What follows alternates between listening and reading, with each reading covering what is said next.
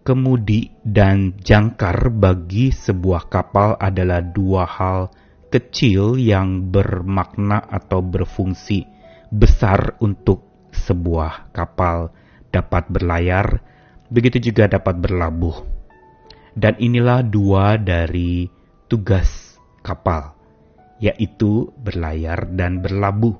Kemudi yang mengendalikan kapal itu digunakan untuk berlayar, sedangkan jangkar digunakan untuk berlabuh. Dan inilah sebenarnya yang menjadi inspirasi buat kita di dalam teguh berharap kepada Tuhan. Bukankah kitab suci mencatatkan bahwa pengharapan itu seperti jangkar hidup kita, seperti sauh untuk kita berlabuh.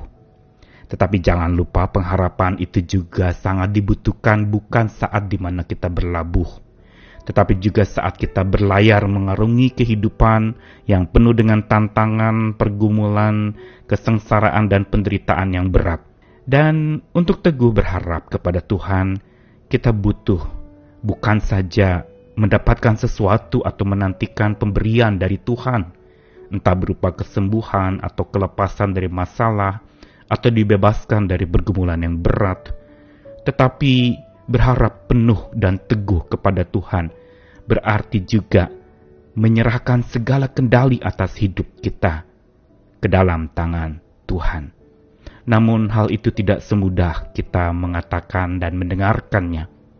Karena kendala kita untuk teguh berharap kepada Tuhan sesungguhnya ada di kendali. Apakah maksudnya? Saya Nikolas Kurniawan menemani di dalam Sabda Tuhan hari ini lagi yang akan menyapa kita di dalam Amsal pasal 3 ayat 5 sampai 8. Percayalah kepada Tuhan dengan segenap hatimu dan janganlah bersandar kepada pengertianmu sendiri. Akuilah dia di dalam segala lakumu, maka ia akan meluruskan jalanmu. Janganlah engkau menganggap dirimu sendiri bijak, takutlah akan Tuhan dan jauhilah kejahatan itulah yang akan menyembuhkan tubuhmu dan menyegarkan tulang-tulangmu.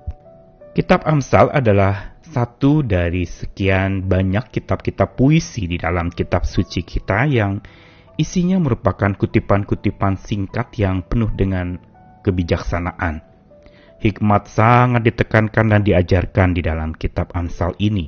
Dan yang diungkapkan pula adalah hal-hal praktis yang berkaitan dengan praktek kehidupan iman kita sehari-hari termasuk apa yang tadi dibacakan dalam ayat 5 sampai 8, sebuah nasihat dan petuah yang sangat penting untuk dipegang teguh oleh setiap orang percaya yang menaruh pengharapan dan yang ingin teguh berharap kepada Tuhan. Yaitu dikatakan percayalah kepada Tuhan dengan segenap hatimu dan janganlah bersandar kepada pengertianmu sendiri. Kalau ditanya kepada kita percaya kepada Tuhan dengan segenap hati, mungkin kita akan menjawab, "Ya, saya percaya kepada Tuhan." Tapi apakah dengan segenap hati?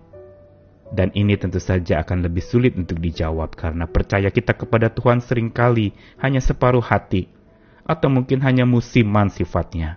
Saat beban berat datang, baru kita mau mempercayakan hidup kepada Tuhan.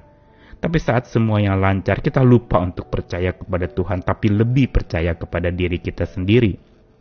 Karenanya, percaya kepada Tuhan dengan segenap hati itu harus bersanding atau harus berjalan bersama dengan sebuah sikap untuk tidak bersandar kepada pengertian diri sendiri. Itulah yang ayat 5 catatkan tadi. Percaya kepada Tuhan dengan segenap hati itu harus bersanding dan bersama-sama dengan tidak bersandar pada pengertian diri sendiri. Mengapa demikian? Karena sering kali manusia dengan akal budinya dan pengertian yang dianggap begitu baik dan bijak, itu sering kali dijadikan sebagai andalan atau itulah yang mengendalikan hidupnya.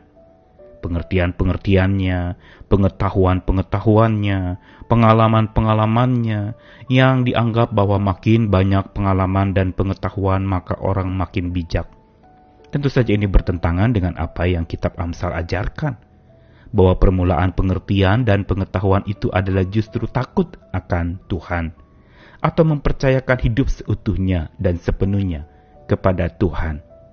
Termasuk di dalamnya adalah membiarkan Tuhan yang pegang kendali atas segalanya. Karenanya di dalam ayat tadi dikatakan jangan bersandar kepada pengertianmu sendiri. Sebuah teguran yang keras untuk supaya orang yang percaya kepada Tuhan itu tidak bersandar pada pengertian diri sendiri. Mengapa tidak boleh bersandar pada pengertian diri sendiri?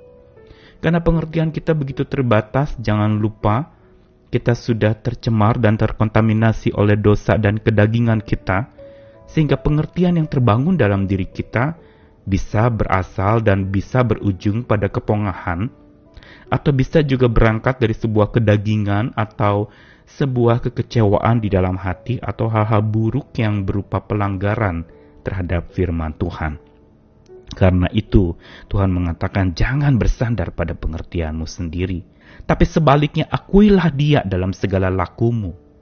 Berarti betul-betul mengakui Tuhanlah yang pegang kendali atas segala hidup kita akan segala kelakuan-kelakuan kita dan mengakui Dia dalam segala tindakan, dalam segala perbuatan, juga termasuk atas segala peristiwa yang terjadi dalam hidup kita.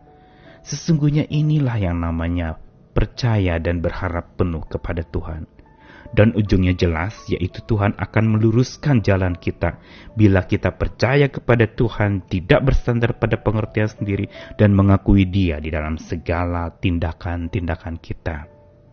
Dan terlebih diingatkan di sini ada warning yang dari Tuhan buat kita orang percaya untuk tidak menganggap diri kita bijak. Takut akan Tuhan dan jauhilah kejahatan. Tuhan ingin ingatkan lewat ayat sabda Tuhan hari ini untuk supaya kita tidak mengandalkan pengertian diri kita sendiri untuk jadi kendali atas segalanya.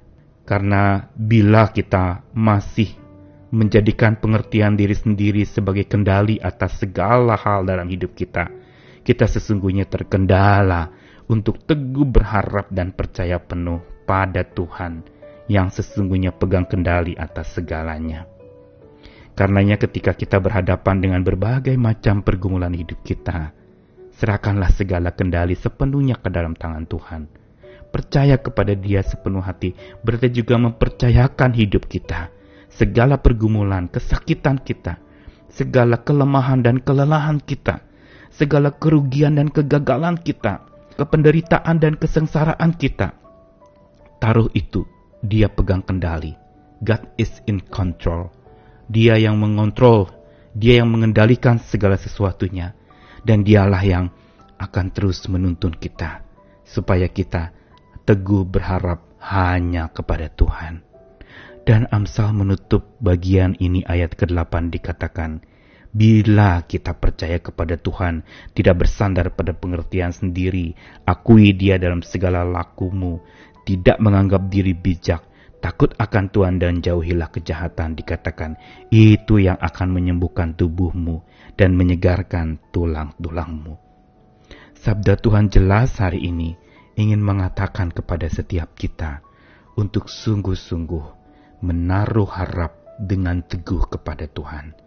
Dan kendali yang membuat kita tidak dapat teguh berharap itu segera serahkan sepenuhnya ke dalam tangan Tuhan kendala teguh berharap kita ada di kendali. Berarti bahwa saat kita masih pegang kendali, Tuhan juga sulit memegang kita. Tapi saat kita menyerahkan segala kendali sepenuhnya ke dalam tangan Tuhan dan biar Dia yang memegang kendali atas segala sesuatu yang terjadi di dalam hidup kita. Saat itulah sesungguhnya kita sedang berjalan di jalan yang teguh, penuh dengan pengharapan kepada Tuhan karena dia yang pegang kemudi hidup kita. Dia yang kendalikan kita. Sampai satu saat kita akan berlabuh dengan jangkar pengharapan yang dilabuhkan di pelabuhan cinta Tuhan. Janganlah bersandar kepada pengertian diri sendiri, tetapi sadarilah bahwa dia pegang kendali atas segalanya. Selamat berserah dan berharap hanya kepada Tuhan. Amin.